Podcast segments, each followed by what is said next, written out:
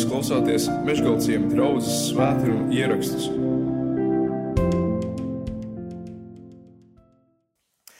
Uh, nu, lūk, mēs tagad ātri, uh, ja tā varētu teikt, uh, lasīsim 9. nodaļu Jāņa evanģēlijā.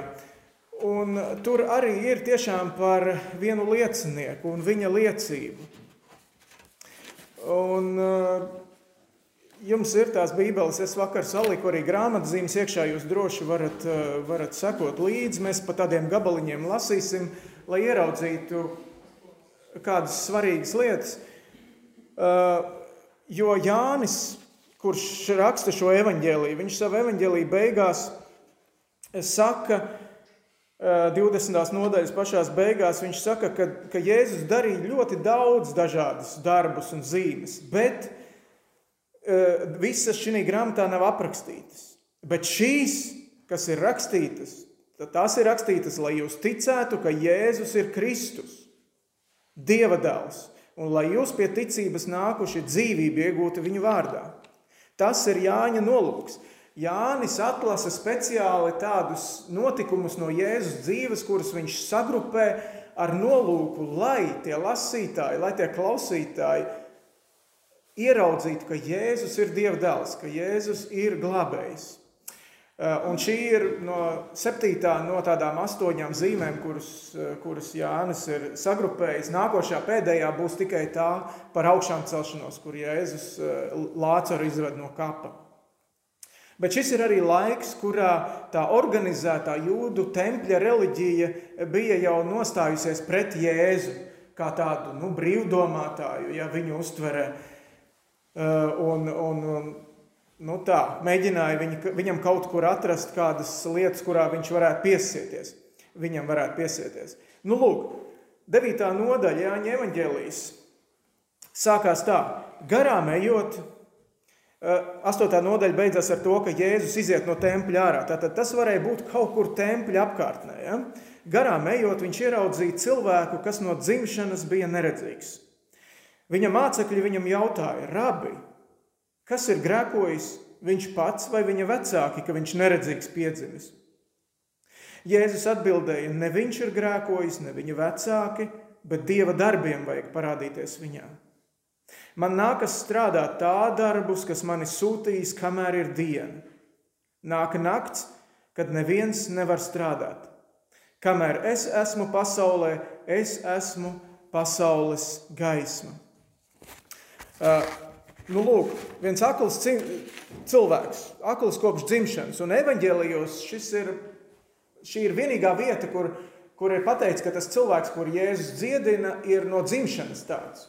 Es domāju, ka tādi bija vairāki, nu, gan jau tajā visā, bet šis ir vienīgais visos četros evaņģēlijos gadījums, kuros, kuros tiešā veidā tiek pateikts, ka tas ir no dzimšanas sāklis. Viņš nekad nav redzējis šajā pasaulē neko. Viņš nav redzējis, kāds izskatās pavasars, pavasars saulīte. Viņš nav redzējis krāsas, Viņam nav priekšstats par šīs pasaules, dieva radītās pasaules skaistumu. Pilnīgi nekāds. Viņš ir arī, jūs varat iedomāties, tajā laikā neeksistēja ne valsts sociālās apdrošināšanas aģentūra, ne, ne sociālais dienests, ne kaut kas cits, ne pensiju fondi ja, vai atbalsti kaut kādi. Uh, viņš, cilvēks eh, bez acīm, viņš neko nevar darīt, lai viņš varētu sev apgādāt normāli ikdienai. Būtībā viņa ikdiena tā bija viena vienīga sēdešana pie tempļa durvīm, kur visvairāk cilvēki iet garām un ubagošana. Ja. Tāds, tāds varēja būt viņa stāvoklis. Un mācekļi iet garām, un viņu ierauga, un, un rodas šis jautājums, kāpēc ar viņu kaut kas tāds ir noticis. Jo, jo es domāju, ne tikai toreiz, bet arī šodien daudziem no mums nu, galvā ir šī cēloņu seku eh, likumsakarību tāda virkne. Ja tas ir noticis tā, tā tad kaut kāds iemesls tam ir bijis. Visu nelaimi cēlonis ir grēks. Tajā laikā cilvēkiem, nu, tāpat kā šodien, droši vien nu, nu, bija kaut kāds tāds priekšstats. Uh, un, un tad, tad mācītāji saka, kurš ir vainīgs? Vai viņš pats? no grieķu pasaules tajā laikā cirkulēja apkārt ideja par dvēseles, tur vēl pirms eksistences, pirms viņa ienāk šajā pasaulē, eh, miesā, ja, viņa jau eksistē. Un varbūt, ka viņš jau tur sagrēkojās, tur tajā? Eh, priekšpasaulē, kā teikt. Bībele to nesaka, ja, ka dvēsele eksistē pirms tam. Eh, viņa vecāki varbūt ir kaut ko sariebuši dievam tādu, ja, pēdiņās teikt, ka, ka, ka ka Dievs ir ļāvis šitam, šim bērnam piedzimt eh, neredzīgam. Ja? Šie lielie jautājumi, lielie, kāpēc mūsu dzīvē mūs kādreiz var ļoti nomocīt, vai ne arī? Un, eh, un iespējams, ka mēs šī pasaules, šī pusē, kamēr mēs dzīvojam pasaulē, mēs par tiem arī tās atbildes nedabūsim.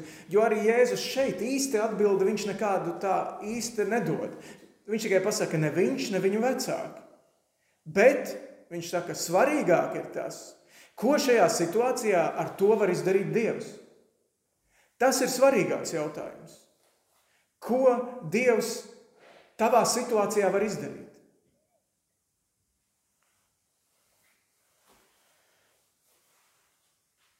Lasīsim tālāk no 6. panta.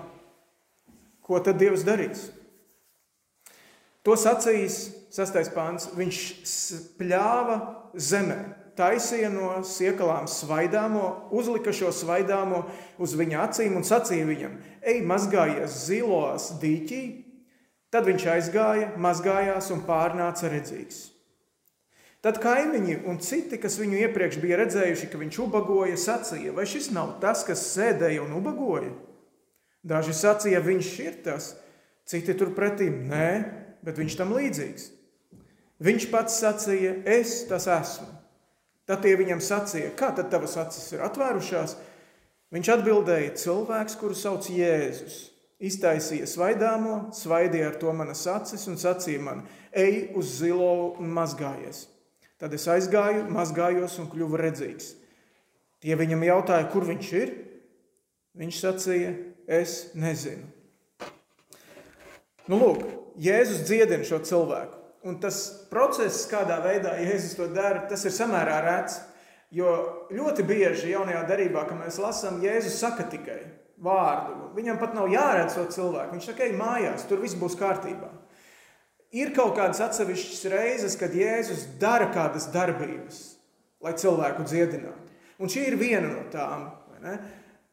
Viņš spļauj zemē un veido kādu tādu masu, dubļu masu.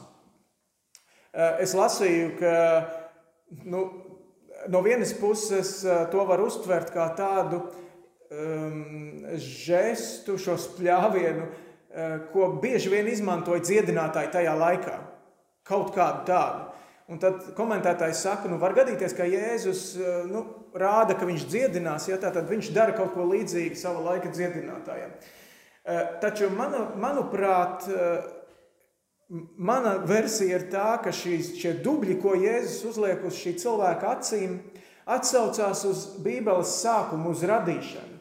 Kad mēs lasām radīšanas stāstu, tad arī zeme neiztaisīta un tukša, un tad paceļās migla, ūdeņi no zemes nāk ārā un mitrina zemi, un tad Dievs no šīs zemes veido cilvēka tēlu un iedvež viņā dzīvību.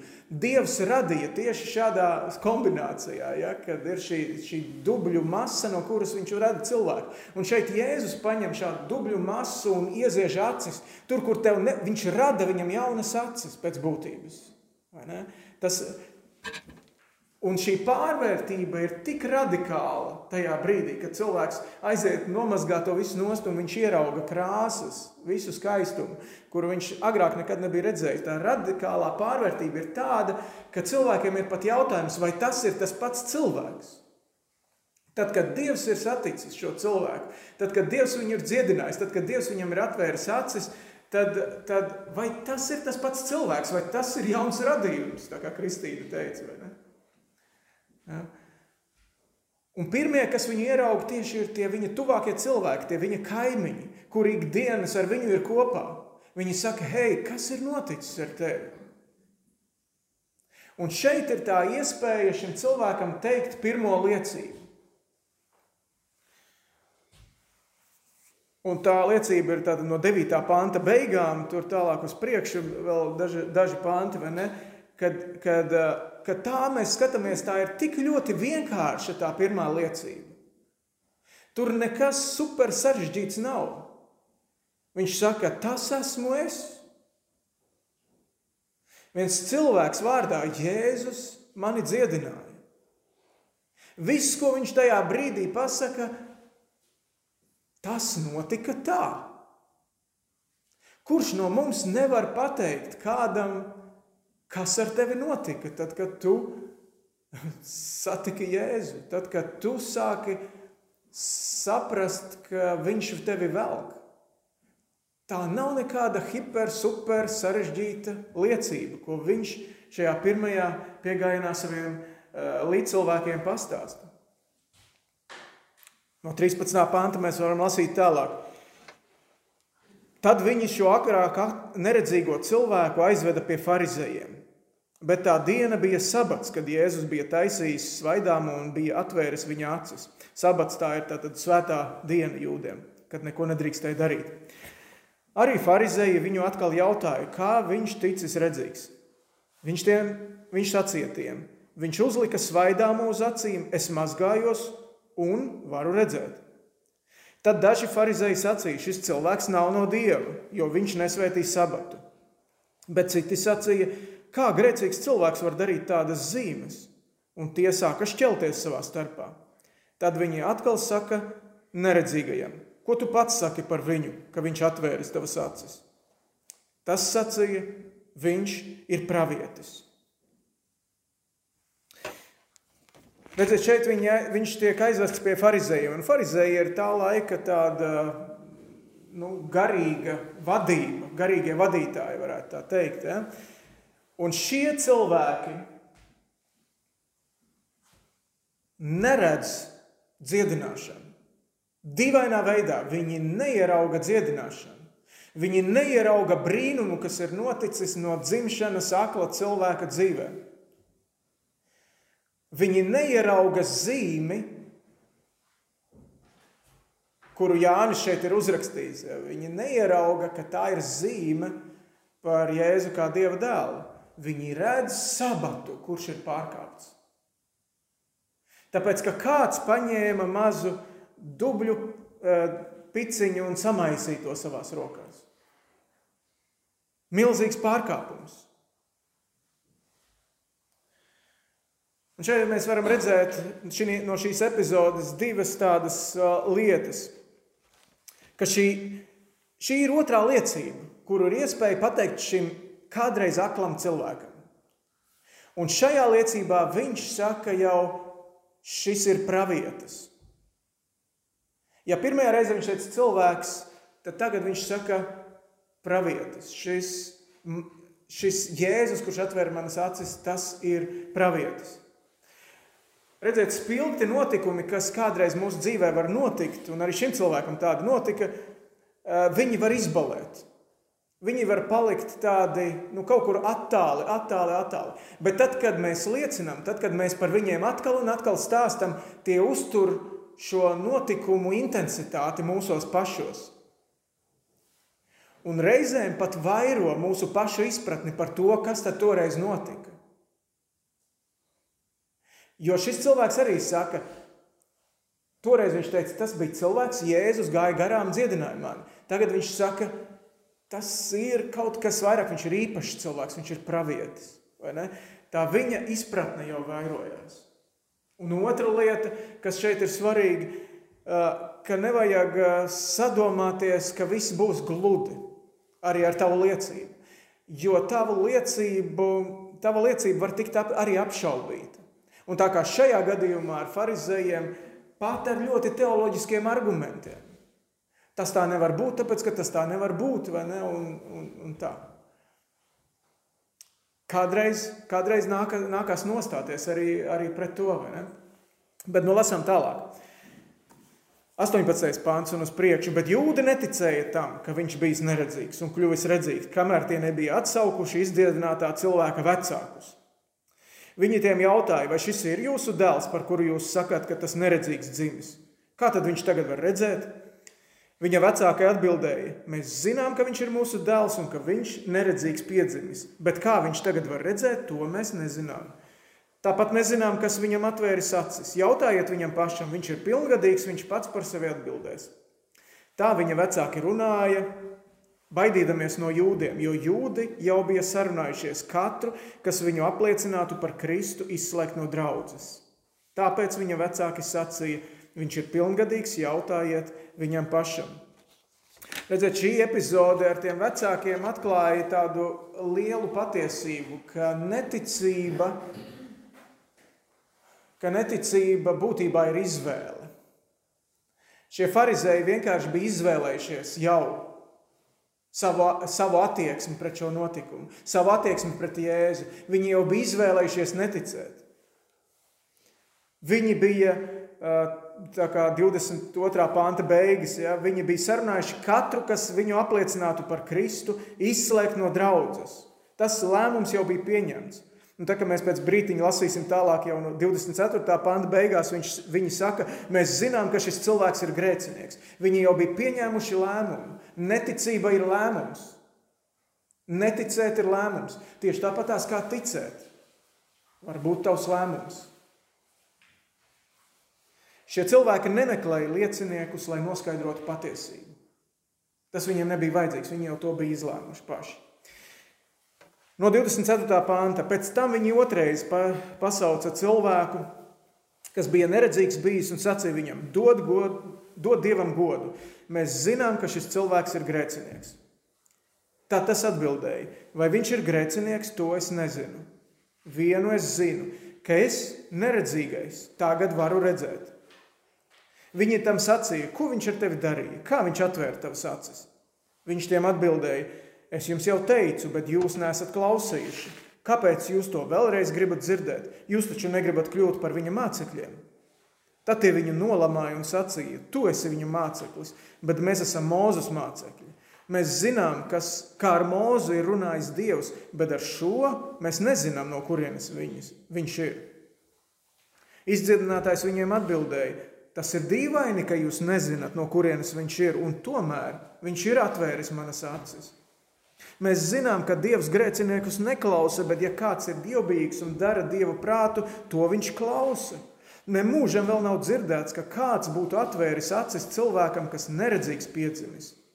Ja viņš nebūtu no Dieva, viņš neko nevarētu darīt. Tie viņam atbildēja, tu viss esi grēkos dzimis un tu gribi mūs mācīt. Un tie viņu izdzina ārā. Šī ir trešā liecība, ko šis cilvēks stāsta. Šī ir trešā reize, kad viņš liecina.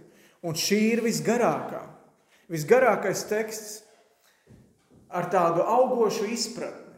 Ja sākumā bija cilvēks vārdā Jēzus, tad viņš saka, nē, tas jau bija kaut kāds īpašs cilvēks, tas jau bija pravietis. Un tagad šajā reizē viņš saka, 33. Mm, pantā, ja viņš nebūtu no dieva, viņš neko nevarētu darīt. Šim cilvēkam ir jābūt no dieva. Viņam ir jābūt no dieva. Un, un, un redziet, ievērosim to, ka, ka šis vīrs turpina atteikties diskutēt par kaut kādiem farizēju pieņēmumiem. Jo viņa uzdevums nav diskutēt, viņa uzdevums ir liecināt.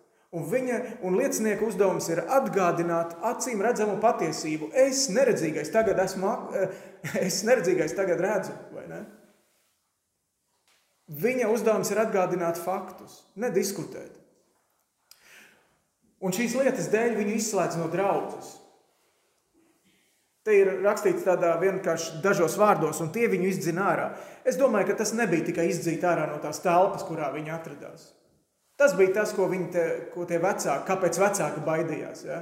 Ka viņi teica, nu, mēs zinām, ja, ka īstenībā, ja apliecinās pa Jēzu par mesiju, tad izslēgs vispār no draudzes, izslēgs, izslēgs no sabiedrības laukā.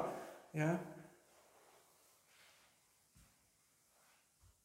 Šis kādreiz aklais cilvēks, viņš identificējās ar ar Jēzu. Viņš jau sāk identificēties, es, ka es esmu, jo, jo šie vīri arī saka, tu esi viņa māceklis.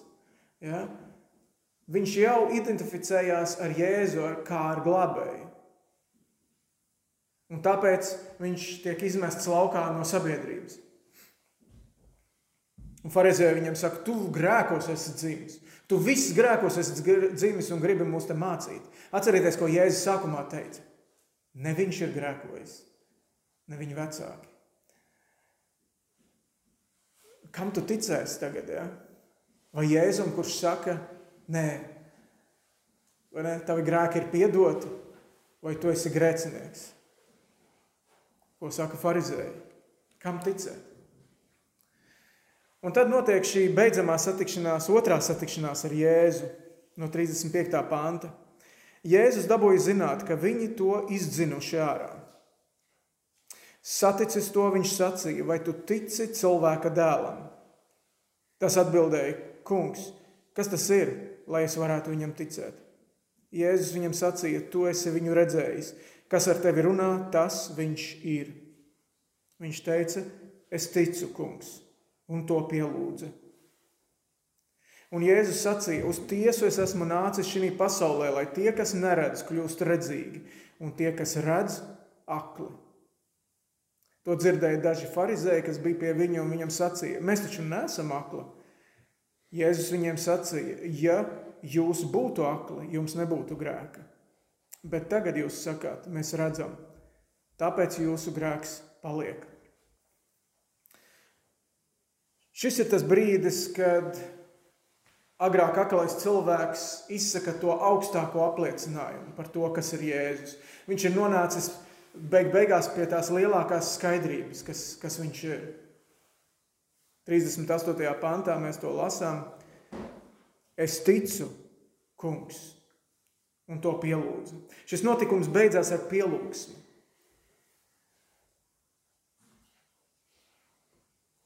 Pielūgsme ir kaut kas tāds, kas ir rezervēts tikai Dievam. Tāpēc Bībele nostājas pret elkiem, kuri ienāk un, un liek mums viņus pielūgt. Lai kādi tie elki varētu būt? Dzīvo Dievu tikai var pielūgt. Un ja šis cilvēks nokrīt Jēzus priekšā ceļos, tad tā ir vai nu ķecerība, vai nu patiešām Jēzus ir Dievs. Un šī lielākā, apliet, šī lielākā ticības apliecība, ka viņš ir kungs, tā bija jau, jau draudzes viena no pirmajām un visvienkāršākā, un man viņa ļoti patīk ticības apliecība. Jēzus ir kungs, nekas vairāk. Jēzus ir kungs. Tad, kad visa pārējā sabiedrība teica, ķeizars Augusts ir kungs, vai ķeizars, kas nu tur vai ne, kurā brīdī, tas ir kungs. Tad kristieši teica, Jēzus ir kungs. Tā bija viņa pirmā ticības apliecība, un to šis cilvēks saka, kungs, es ticu, un nokrīt viņa ceļā, ceļos un pielūdz. Un tas ir tieši tas, ko Jānis rakstījams savu evaņģēlīju saka šeit beigās. Šīs zīmes ir rakstītas, lai jūs ticētu, ka Jēzus ir Kristus. Citiem vārdiem, Jēzus ir kungs, Dieva dēls, un lai jūs pie ticības nākuši dzīvību iegūtu viņa vārdā. Tas ir tas mērķis.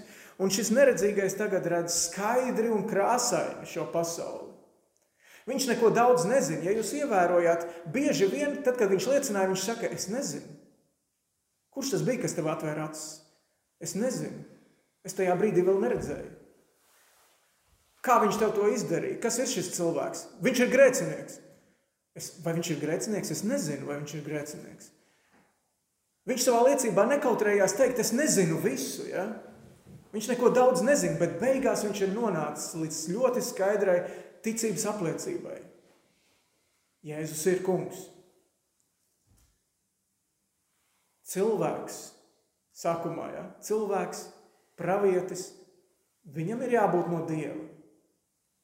Viņš ir kungs. Tāda bija šī attīstība. Un lūk, šis no sabiedrības, no draudzes izraidītais vīrs šajā brīdī tiek uzņemts attiecībās ar pašu Dievu. Ne viņš ir grēkojis, ne viņa vecāki, bet Dieva darbiem vajag parādīties. Šeit parādās tie Dieva darbi. Šis ir Dieva darbs no sākuma līdz galam. Viņš gāja garām un atvēra tā neredzīgā acis.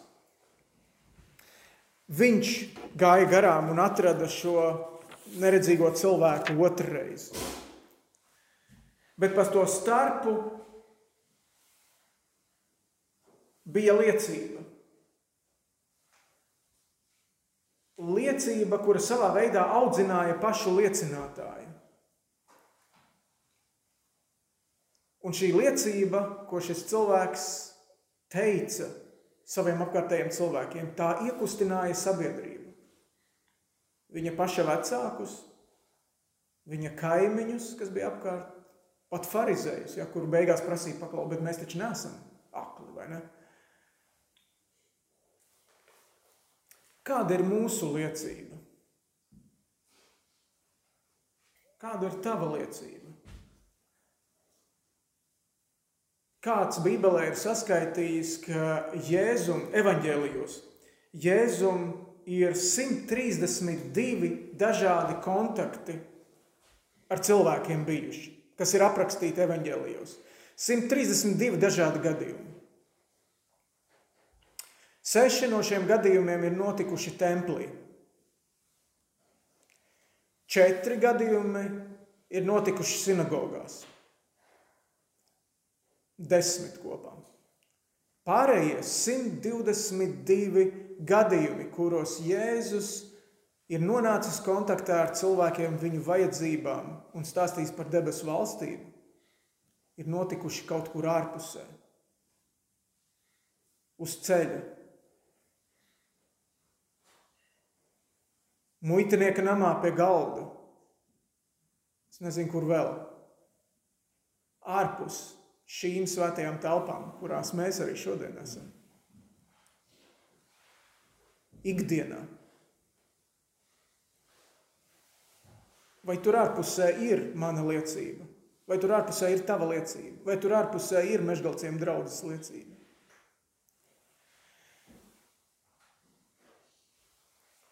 Bils Braits, tas ir viens vīrs, kurš savā laikā nodibināja to organizāciju, ko mēs pazīstam šodien ar jaunatni, jaunatni ar misiju. Jūras un Kristīna ir arī šīs, šinī, šinī organizācijā. Ja, un, un viņiem ir tātad viss šīs te, nu, organizācija pa visu pasauli būtībā viņi ir izplatusies. Un viņi bija veidojuši aptauju tieši par liecināšanu sabiedrībā. Un Bils Braits saka, ka pēc, šīs, pēc šīm viņu aptaujām sanāk, ka 98% kristiešu nerunā par Jēzu ar citiem ikdienā.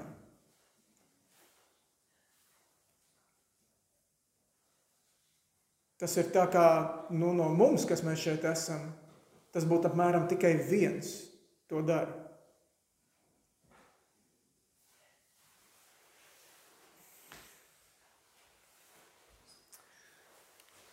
Vai tās ir bailes, vai tā ir nērtība? Vai ne? Bet es ceru, ka šodienas šis bezvārda liecinieks, mēs pat viņa vārdu nezinām no Jāņa evaņģēlī 9. nodaļas, ka viņš mūs tomēr iedrošinās. Mums nav visu jāzina. Mums nav visu jāsaprot teoloģiski no sākuma līdz beigām, no A līdz Z. Bet tu arī jau būtu liecinieks. Asīzes Francisks uh, reiz piedāvāja kādam jaunam mūkam no sava klostera. Viņš teica, dosimies, dosimies uz pilsētu, vai tu gribi nākt man līdzi, iesim sludināt. Jaunais cilvēks ar lielu prieku piekrita, un viņi abi devās ceļā. Visu dienu viņi staigāja pa ielām, pa sētmalēm un pa dažādiem kaktiem. Viņi satika simtiem cilvēku, bet nereizi Francisks neapstājās un nesāks prediķi. Un dienas beigās šis jauneklis bija vīlies. Viņš teica, es domāju, ka mēs iesim sludināt, bet mēs te novazājāmies apkārt. Un tad uh, Asīzes Francisks viņam atbildēja, dēls, mēs sludinājām ceļā esot. Mūsu redzēja daudzi, mūsu rīcību vēroja. Nav jēga iet sludināt, ja nesludinām visur, kur ejam. Lai Dievs mums uz to palīdz. Lūksim Dievu. Jēzu, tu teici saviem mācekļiem, ka tev nākas strādāt dieva darbus, tā darbus, kurš tev ir sūtījis. Jo nāk nakts, kad neviens vairs nevarēs strādāt. Un eh, paldies par to, ka šodien ir diena, kad draudzene var liecināt kad draudzene var liecināt vārdos, kad draudzene var liecināt arī savos darbos. Un paldies, ka šodien ir arī diena, kad cilvēki var tikt glābti no kāda garīga akluma, kuru acis var tikt atvērtas. Un es lūdzu, ka šodien arī šeit varētu būt kādam cilvēkam tāda diena. Jēzu, to mēs tavā vārdā lūdzam. Āmen!